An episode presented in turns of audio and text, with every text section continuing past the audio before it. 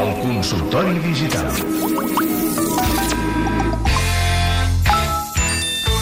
Obrim consultori digital, com cada dimarts, per resoldre dubtes que tingueu els oients relacionats amb l'univers tecnològic. Albert Murillo, Geni Roca, molt bon dia.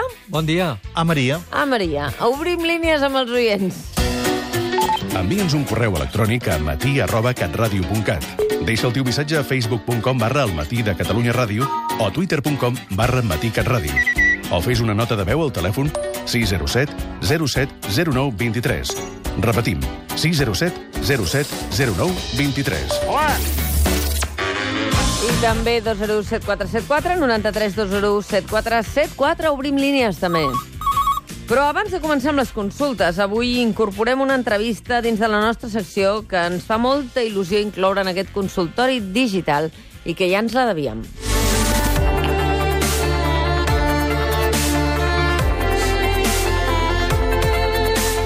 Recordeu la frase jo sóc jo i les meves circumstàncies d'Ortega i Gasset? Doncs el nostre convidat d'avui al consultori digital considera que aquesta cita s'ha de modernitzar, que ja està. està que, uh, jo sóc jo, les meves circumstàncies i les meves dades. Xavier Duran, bon dia. Hola, bon dia. En Xavier Duran és redactor especialista en temes científics a TV3, és llicenciat en Químiques, doctor en Ciències de la Comunicació per la Universitat Autònoma. És algú que controla, controla i molt eh, totes les qüestions que tenen a veure amb l'imperi de les dades. El Big Data, oportunitats i amenaces és el títol de l'últim llibre que ha publicat, Premi Europeu de Divulgació Científica, eh, han publicat per Sense Fronteres. Això del Big Data, ens hem de preocupar, no, Xavier? Ens hem de preocupar una mica. Ja fa eh, temps com eh, que en Genís ens ho diu, que ens hem de preocupar Sí, del Big el que Data. passa que aquí sempre hi ha la- l'equilibri entre ser irresponsables i alegres i no preocupar-nos de res i espantar-nos massa o ser apocalíptics, no? Sí. Com sempre tot està en l'equilibri. Ens hem de preocupar, hem de ser conscients i hem de pensar doncs, que hi ha molts aspectes positius i cada un ha d'actuar de manera que aquests aspectes positius eh, pesin més i sobretot de manera que la societat empenyi cap a aquests aspectes i aplicacions positives. Tu dius que s'ha de distingir entre informació i dades, que són coses diferents. Sí, les dades són piles de... de... Piles de números i... Sí, números, lletres, eh, frases, sentències, etc. Això, si no ordenes, eh, no ho processes, eh, no et dona informació necessàriament. Tu pots agafar una sèrie de, de columnes de xifres i no entendre res, i un altre que allò vegi doncs, que són, no sé, inventaris de comerços o, o dades un bancàries, el que algoritme sigui, i sí, saber. i d'allà en traurà informació, que és el que resulta útil, no? La, la informació... Bueno, el llibre dic eh, les dades seria en una orquestra un músic tocant cadascú per la seva banda i la música, la sinfonia, seria l'orquestra dirigida pel director i, i, per tant, tocant una cosa ordenada i melo- melodiosa. Atenció, perquè um, amb un exemple que posa en Xavier en el llibre ens farem a la idea. El mateixa tècnica que s'aplica a l'ADN, aplicar-la a les dades, no? Sí, l'ADN conté moltíssima informació, com es pot veure, perquè l'ADN és la base de la vida i fixeu-vos la diversitat que hi ha de- d'espècies dins de cada espècie, doncs com que tenim tantes dades i el, els diversos suports que s'han anat creant, disquets, eh, llapis de memòria, etc, doncs clar, eh, comença a tenir moltes limitacions. Hi ha qui ha pensat que aquesta informació d'alguna manera es pot transformar en seqüències d'ADN, que poden ser múltiples, mm. i després l'ADN, doncs, desfent aquesta seqüència, tornar-ho a transformar en informació. Clar, és un tema, és un sistema complex, ara és molt car, però bé, és una de les solucions que s'apunten, de manera que eh, serà un avenç tan eh, frapant com que ja no tindrem un disquet que potser d'aquí uns anys no es podrà llegir perquè els sistemes operatius han canviat, sinó que tindrem potser uns microorganismes, uns bacteris, que portaran una informació que, seqüenciant l'ADN, sempre estarà a la disposició de qui sigui. I una de les coses que dius és, atenció, amb el Big Data, amb les dades, eh, les dades que, que poden ser extrapolables i útils per la salut. En el cas del càncer, per exemple, perquè tothom ho entengui, amb exemples que ens poden tocar molt de prop. Sí. Ah, realment eh, s'està avançant gràcies a la informació que Sí, tenim. sí, s'està avançant moltíssim, perquè el càncer, que, que de fet, com se sol dir, no és una malaltia, sinó un grup de malalties, els càncers són molt diferents i fins i tot difereixen en cada persona, a una li va bé un tractament, a l'altra no, una triga més, etc. els diferents tipus de càncer, cada vegada... Personalitzant els tractaments. Sí, sí, no? cada vegada se sap més eh, quins gens intervenen, quins s'influeixen mútuament, quines proteïnes, etc. I, per tant, els tractaments avancen molt, realment. Eh, en càncer s'està avançant molt. El que passa que tota aquesta informació, per processar-la, doncs es necessiten màquines molt potents, algoritmes molt ben fets, per saber doncs, aquestes influències que poden ser des de genètiques fins a hàbits de vida, fins i tot a hàbits que tinguessin els nostres progenitors, que també poden influir, doncs extreure la informació de les dades, això que dèiem abans, i veure cada vegada més concreció per què es desenvolupa un càncer, per què un altre no, per què un tractament funciona, per què no, per què un càncer de pulmó pot generar una metàstasi al cervell, etc. I atenció perquè, eh, Genís i Albert, que sé que us interessarà molt aquesta informació que ens donarà ara en Xavier Duran, això de que l'amor és química s'ha acabat. L'amor és com a Black Mirror, és informàtica. Perdona, eh, estoy muy nervioso. Es mi primera vez en el, ya sabes, sistema. ¿Y la mía? ¿De verdad? Sí, estoy cagada. ¿Sabes cómo pedir? Creo que es con esto. ¿Oh? El menú ya está fijado. Atenció, perquè les, la, arribarà un moment que les màquines coneixeran millor qui som i com som i què necessitem de les altres persones, de que amb qui encaixem, d'amb qui no encaixem, amb qui ens convé veure'ns al minut següent. A la màquina eh, un dia eh, et despertaràs i dirà avui sobretot que no et trobis ni amb aquest, ni amb aquest, ni amb aquest, perquè hi haurà un mal karma. Sí, sí. Sí o no? eh, jo, com a químic... Això pot arribar a passar, eh? La, la base de l'amor és química, sembla poc romàntic, però en fi, en el fons, eh, tota la base Això la gent ho discuteix, però... Sí, però bueno... La, Els químics la, ho teniu estudiadíssim, això. Això, després, eh, són els sentiments que, evidentment, no es poden traduir. És com pots intentar... alimentant, és però en realitat un cop la com química dir, baixa s'ha acabat. La música són ones de so, També però, clar, química. eh, No, no, que t'ho expliqui en Xavier. Xavier això ho explica molt bé. sí. Hi ha Però- uns components químics que quan s'afluixen s'ha acabat el bròquil. La resta les és reaccions artifici. fisiològiques, les que siguin, doncs té una base molecular. Això no vol dir, evidentment, que haguem de fer-nos anàlisis químiques per veure amb qui... Eh, De qui estem enamorats. No, no, això és, és una altra emoció Podríem diferent. aportar sorpreses. Sí, I tant, No, i tant. per això. Uh, Te'n faries creus? En, informàtica, això, sí, clar, amb les dades, doncs eh, bé, eh, a partir dels gustos eh, musicals, les creences, els hàbits, aficions, etc de les persones, sí que, evidentment, s'estableixen relacions que van dir, mira, mm, eh, vostè hem trobat un algoritme que amb aquesta persona encaixaria molt bé. Però perdona, perdona, ara estic pensant, si a mi m'agrada la música jazz, Sí.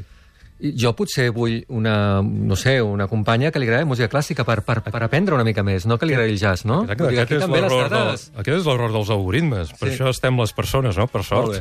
I, I, a més a més, hi ha una altra cosa. Tu et poden dir, miri, aquesta és la seva parella ideal, però després no sé si hi ha un llibre de reclamacions. Escolteu, al cap de dos anys es van divorciar, en tornen els diners? No. Bueno, i també pot ser que la màquina sàpiga no només que a tu t'agrada el jazz, sinó que tu ets una persona encuriosida per altres àmbits Sí. i, per tant, no busqui una persona que només li agrada el jazz, sinó que sabent que tu ets una persona que t'agraden altres coses, ja no et recomanarà una persona que sigui aficionada al jazz, et recomanarà al- algú que t'encurioseixi. El, el, el que sí és cert, però Vull és dir que la estem- màquina pot arribar a saber moltes coses. Estem Eh? en un canvi de tendència. Eh, Internet té el seu ritme evolutiu.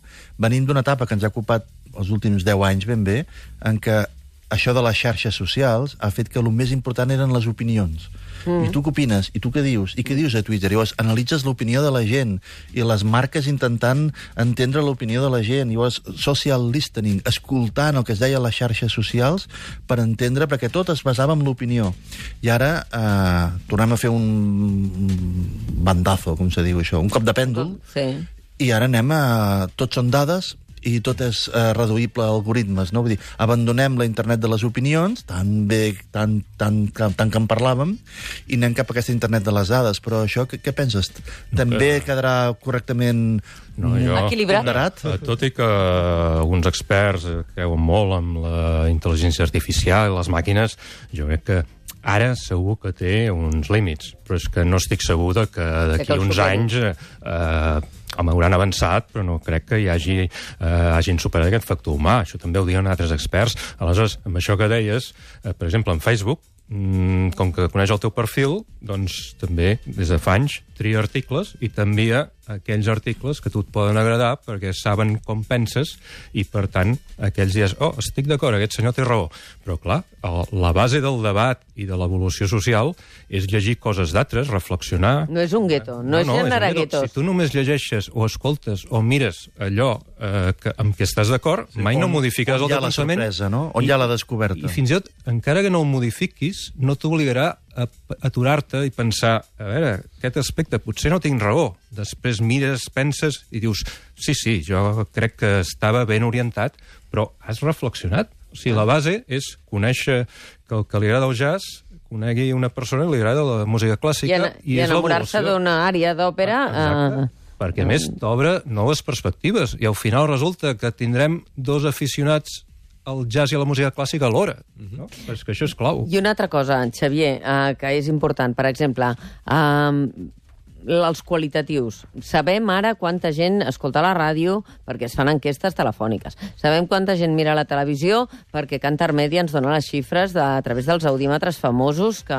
tenen més o menys marge d'error, com les enquestes eh, telefòniques, però eh, una de les coses que, que sí que ens aportarà aquesta Big Data i, la, i el perfeccionament d'això és que tindrem mm, dades més objectives sobre els consums, no? Sí, sí, es podran anar quasi a la personalització, no, potser no del tot, però clar, hi ha, hi ha sistemes que permeten saber què està veient algú amb un determinat aparell en un determinat domicili, no? Mm. Per, per televisió, en ràdio no sé si és factible, però sí cada vegada es pot concretar més. El que passa que sempre hi ha els factors d'error, perquè aquí hi ha en aquella... Potser està una família mirant un programa, estan tots quatre mirant-lo perquè un té el comandament i no els hi deixa els altres, que estan esperant a veure si eh, li poden I prendre. els qualitatius. Um, uh, hi haurà un moment que les dades que... perquè registraran la nostra um, expressió facial, que això ja s'ha començat a estudiar, de tal manera que tu estàs mirant un programa, o estàs mirant una entrevista, o estàs mirant una sèrie, però la màquina detecta si a tu allò et satisfà o t'indigna. És a dir, Sí, sí. els qualitatius, que són el que ara no tenim. exacte, perquè- perquè molta gent mira coses i escolta coses senzillament per... Sí, per criticar-les. Per criticar-les, o... sí, no? no? Eh, això, sí, ja hi ha sistemes que per això estan molt limitats, no? Però sí que intenten analitzar les reaccions, o sigui, hi ha una interactivitat, i segons les reaccions de la gent que mira, doncs eh, detecta com acull aquella informació, no? Però Això és eh, bàsic. Sí, sí. Per acabar d'espantar tothom, Sí. eh, eh, l'escena de que hi ha quatre persones mirant la tele també va quedant Ja vella. està, ja està. Sí, sí, exacte. Això ja està. Sí, Cadascú Menys mira la seva ja pantalla. se'n Van a l'ordinador... Amb la qual el va qualitatiu serà molt precís, ja. Clar, per exemple, ahir en Jaume Roures, de Mediapro, deia una cosa a la tertúlia que em va fer rumiar, eh, que era que havien fet una enquesta eh, quan es va fitxar a Neymar a la Lliga Francesa, a la televisió de pagament va millorar mig milió els subscriptors de la televisió de pagament i un 80% eren dones. Vale? Són dades que ara, evidentment, aquestes dades extrapolades i tabulades i estudiades amb qualitatiu i en profunditat poden portar els clubs a dir hem de fitxar sempre a, a jugadors guapos. Joves. El Neymar és guapo. Bueno, És, hi ha, hi ha un factor estètic en el tema. Hauríem de preguntar a Bueno, una màquina. aquestes no? coses que poden reorientar el negoci. I en el món de la música s'està aplicant. Maluma va utilitzar els Big Data per llançar una nova versió d'una cançó que es diu El Perdedor. La original és aquesta. Dime cuál fue mi error. Si mi único delito solo fue amarte. Hoy soy el perdedor. Molt bé. Després de llançar el hit, va observar que un 40,7% dels comentaris eren de fans brasilers. Quina és la solució? Atenció, buscar col·laboracions brasileres a El Perdedor. Perdedor.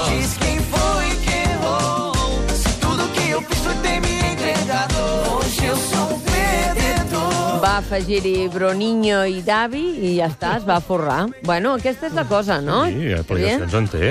És fantàstic. Això, ell eh, obté una informació, allò que dèiem, informació, no dades, sinó informació, i modifica el seu producte. És com modificar el trànsit d'una ciutat doncs, perquè eh, sigui flexible quan hi ha determinats esdeveniments, quan hi ha bussos per accidents, avaries, el que sigui. Tot això és útil. Eh, evidentment, el que passa que s'ha de saber amb les dades què fem, si són les dades que necessitem i com les processem, perquè si no podem establir relacions bastant perverses, curioses. fins i Sí, tot. sí. I aplicacions que té el Big Data i que tu expliques també en el nostre dia a dia, el dels xinesos, el sistema de crèdit social del govern xinès. Sí, això... Explica-ho, això. Bueno, això és com un eh, gran germà, però evidentment... A la està- a la brava. Sí, sí, bé, i, i com que són tants milions, doncs que afecta moltíssima gent, no? És, eh, per resumir-ho, és una cosa que està començant, però serà una mena de qualificació de cada ciutadà, que tindrà a veure, doncs, eh, no només amb si paga impostos, si paga els crèdits, o si té sancions administratives, si té sancions de trànsit, sinó també amb coses com eh, què opina o deixa d'opinar a les xarxes socials, que a Xina, per cert, algunes estan prohibides, i també la seva actitud doncs, eh, personal, de si eh, cuida bé dels pares o, o és responsable dels seus fills, eh, en fi, tota una, una sèrie de, de puntuacions que donen al final un, una xifra i d'això depèn potser que tinguis després accés a una feina o, o un pis eh, de protecció oficial o el que sigui. És la numerització dels ciutadans en base a multitud de factors i que, evidentment, l'actitud que, que té aquesta gent, per exemple, familiar, pot dependre també de molts factors. I la màquina no sé si té en compte que no sé, no s'ocupa prou dels pares, però és que viuen a 1.200 quilòmetres i no hi pot anar, o que sí, no sé. Clar, tu parles de l'imperi de les dades i això fa pensar que realment estem governats per aquestes dades. És a dir, que quan nosaltres cada dia, eh, l'Albert, en Genís, ho hem comentat moltes vegades, no?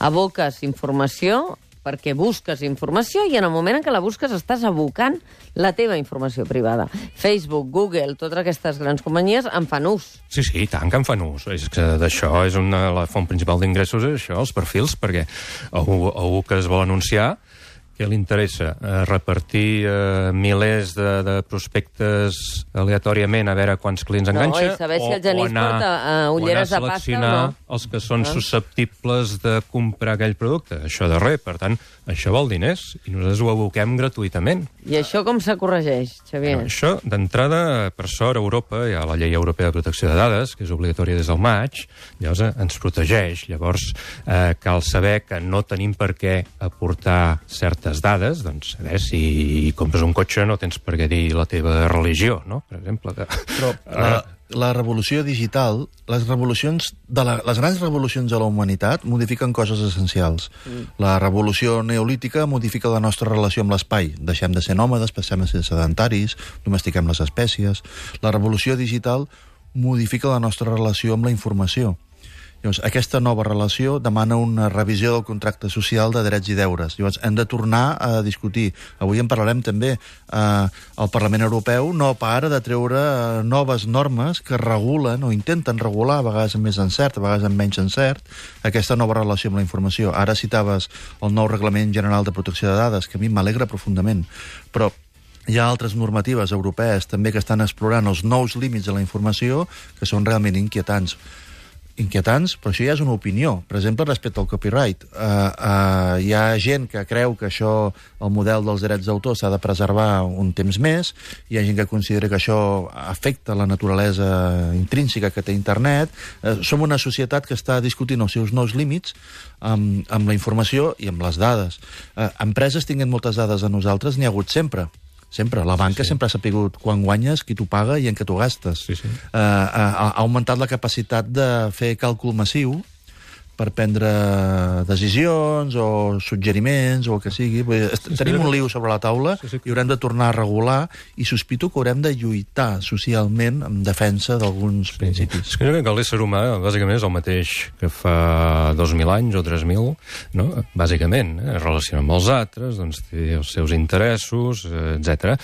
El que han canviat, evidentment, són les eines. Aleshores, clar, eh, en els comerços mm, no és cap descobriment que coneixen un client que li interessa més cert producte i el venedor sap cap a on l'ha d'orientar, però clar, és que ara, eh, llocs com els Estats Units, no sé si aquí passa, eh, hi ha el reconeixement facial i les bases de dades, eh, en el qual eh, algú que entra en uns grans magatzems, doncs, al cap d'un moment rep una alerta al mòbil que li diu hi ha ofertes a la secció de corbates, per dir un producte molt senzill, Perquè no? em portes. Perquè em portes i perquè saben que gasta molts diners en corbates. Clar, ja és una personalització Perquè que no portes, depèn de, perquè de veu la memòria. de corbata que porta. El tema és que necessitem preservar alguns drets. Per exemple, uh, uh, jo em faig uns anàlisis de sang i surto alt de sucre, per posar un exemple, Mm. uh, i això és una dada, la dada de que una persona està alta de sucre, i llavors ens ve la incertesa, la por, el dubte de qui més té aquesta informació. Mm -hmm. Llavors tu dius, no, tranquil, que no la té ningú més. Dius, ja, bueno, d'acord, però alguna altra garantia, a part de la teva voluntat? Això, clar, als Estats Units també es legisla perquè no es pugui utilitzar certa informació i la llei europea ara diu que si a tu et deneguen un crèdit o un lloc de feina o el que sigui, tu tens dret a demanar que t'expliqui quins criteris ha tingut l'algoritme que s'ha fet servir per denegar-te allò. Si tens uns drets, el que passa que hi haurà d'haver doncs, l'inspector d'algoritmes, així com ara hi ha l'inspector Sí. sanitari i tal, doncs dir... El. El, el defensor de l'algoritme, no, el defensor de, del que pateix l'algoritme, Ja, ja. perquè, Perquè no siguin racistes, perquè no tal, perquè perquè... no tingui biaixos i Jo ara mateix siguin... eh, visc amb una certa sensació d'incertesa legal, diguéssim, perquè si, si, uh, va, va, hi ha hagut fabricants de cotxes que varen modificar el motor uh, el motor, que era una cosa que podies anar a casa, obrir el capó i dir, vaig a mirar molt bé aquest motor. I, i no ho vares veure, uh, no vares veure que hi havia una manipulació física en el motor per alterar una dada, imagina't ja un algoritme. Clar, on clar, vas, clar, clar, on vas a tu buscar-ho? A repassar un algoritme, no? I el Deep Web? El Deep Web és una altra sí, cosa. clar, això ja és un món que també és lògic que hi hagi, bueno, el deep web, el dark web, eh, clar, hi ha eh, parts de la web que és la major part que no s'hi pot accedir, perquè hi ha dades això personals, eh, íntimes, etc. però també s'aprofita doncs, per certes trans transaccions fosques, no? Però eh, realment e- és un lloc on els nivells més profuns ens eh, passen coses eh, terribles que hi costa accedir a, a la I policia. allà també hi ha bucandades. Eh, Sí, clar, és que no saps on van a parar. Evidentment, a veure, també hem de al Deep pensar Web que... també hi entren dades que tu no controles. Sí, el el problema és que tu pots ser prudent, dir, mira, jo aniré en compte amb Twitter, Facebook, ara què dic, què faig? Clar, tu cerques a Google i no saps on va la informació, perquè tu busques una informació per, per la circumstància que sigui, però clar, tu aboques totes aquestes dades sense saber-ho. Moltes no ho saps, perquè eh, amb el mòbil et poden geolocalitzar, encara que tu no ho tinguis activat. En fi, aboquem moltíssimes dades. I el risc és aquest, que no que siguem prudents, sinó que sapiguem també i es controli quines dades tenen de nosaltres i què fan amb aquestes dades, sobretot el tema del sucre, mm. eh, perquè després, si vas a una vida assegurança, canvia. una mutua mèdica i ho sap, potser no et vol. Tu creus que hi haurà un blackout de, dels usuaris, de desconnectar-se a internet, de no tenir mòbil, de aquesta, eh, això que molts estan començant a fer, no? de diuen, mira, escolta'm, he decidit... Eh, Hi ha gent que ho fa. Jo, jo ho veig molt difícil, perquè a veure, el, el mòbil, les xarxes, tot això és molt útil. eh, Realment, no sé. La, que la prova de que no es pot és el- l'esborrany No de la renda que t'envia Hisenda cada any. Exacte. I dius, ostres, realment ho saben tot. Ah, sí, sí. saben tot. Xavier Duran, eh, t'agraïm moltíssim que hagis vingut. Aquest llibre, L'imperi de les dades, el Big Data, oportunitats i amenaces. Ens quedem amb el que primer que ens ha dit, eh, prudència, que cadascú apliqui, però no ens hi tanquem perquè és el món que vivim, no hi ha més. Xavier Duran, moltes gràcies. Fem una pausa i continuem al consultori. Atenció, atenció, abans de tancar el consultori digital, consulta per Albert Murillo. Hola, bon dia. Soc el Bernat i no porto bé el tema dels podcasts. M'agraden molt els programes d'ICAT i m'agradaria saber quina és la millor forma de poder-los escoltar que no sigui amb iTunes, ja que jo tinc un Samsung amb Android. És una bona opció escoltar-los per iVox? I una altra cosa, com puc descarregar-me a l'ordinador el programa que m'agradi? Sí, a- aquesta eh, aniré molt ràpid. Um, Bernat, el tema és, està molt bé que ho facis per iTunes o per iVox, uh, la veritat és que gestiona molt bé els podcasts de la casa, però jo el que et recomano és que et baixis, uh, si tens Android, un podcatcher. Un podcatcher és un programa gestionador de podcast, però t'obliga una miqueta més. Nosaltres, per exemple, en aquest programa uh, que estem, en aquesta secció, tu passa doncs, a Catalunya Ràdio, te'n vas al matí de Catalunya Ràdio, veuràs que hi ha un botonet que pots descarregar el programa, però també hi ha un que posa podcast. Aquest, aquest botonet el que et dona és un, una adreça. Aquesta adreça, si la poses en aquest podcatcher, tu podràs descarregar-te el programa amb millor quali- qualitat que no pas iTunes i que no pas iVoox. Demana una miqueta més de, de feina, però la veritat és que val molt la pena. I tots els programes de Catalunya Ràdio, d'ICAT i de Catalunya Música tenen aquest botonet per tu poder-te eh, descarregar els programes que vulguis.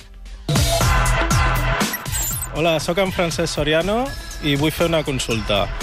Últimament hi ha molt merder amb les lleis del copyright a la xarxa. Algú em pot explicar com està la situació? Ui, Genís. Uh, voy pa allà. voy pa allà. Mira, eh, enllaça eh, perfectament amb la conversa que teníem amb el Xavier Duran. Com dèiem, eh, aquest nou univers de dades i d'informació demana un nou ordre, demana una nova legislació. El Parlament Europeu va aprovar recentment el Reglament General de Protecció de Dades que posa les coses més complicades, els que treballen malament i fan les coses de qualsevol manera, però amb això no en fem prou, necessitem encara més regulació. I alguna d'aquesta regulació no està gens clara. El Parlament Europeu aquesta setmana ha estat discutint una nova llei en defensa dels drets d'autor, del copyright. I el que deia era, si algú puja un contingut eh, a la xarxa, el, el, el propietari de la plataforma, de, de la Wikipedia, o, o el, blog, el blog, o la plataforma que sigui, el Facebook de torn, el Twitter de torn, té que tenir filtres automàtics que detectin si aquell contingut ja havia estat publicat prèviament i si ho estava publicat, assumir la responsabilitat i no publicar-lo. Això, a part de que és terriblement complicat, eh, posa en dubte alguns projectes, com per exemple la Wikipedia, que jo crec que tenen tota la raó.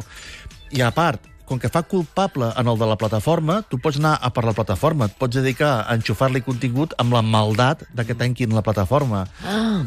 I llavors aquí hi ha liu. Es, es va votar, la votació no estava gens clara, perquè igual que hi ha gent que creu que s'han de mantenir els drets d'autor, hi ha gent que creu que sí, però depèn, es va votar, va sortir que aquesta llei de moment no tirava endavant, però el setembre, octubre, novembre, a la tardor, aquesta tardor calenta que tindrem, eh, tornarà a votar-se aquest cop article a article. Hi ha un debat molt fort al voltant de l'article 13, és a dir, el nostre futur social mm. s'està discutint amb les noves lleis europees i ens han de personar en aquest espai global per discutir els nostres futurs drets. Caram. Quina sentència per acabar el consultori, Genís. ens hi juguem la nostra manera de ser. I ara qualsevol es posa a parlar de sèries, eh? Vinga, gràcies. A reveure. Catalunya.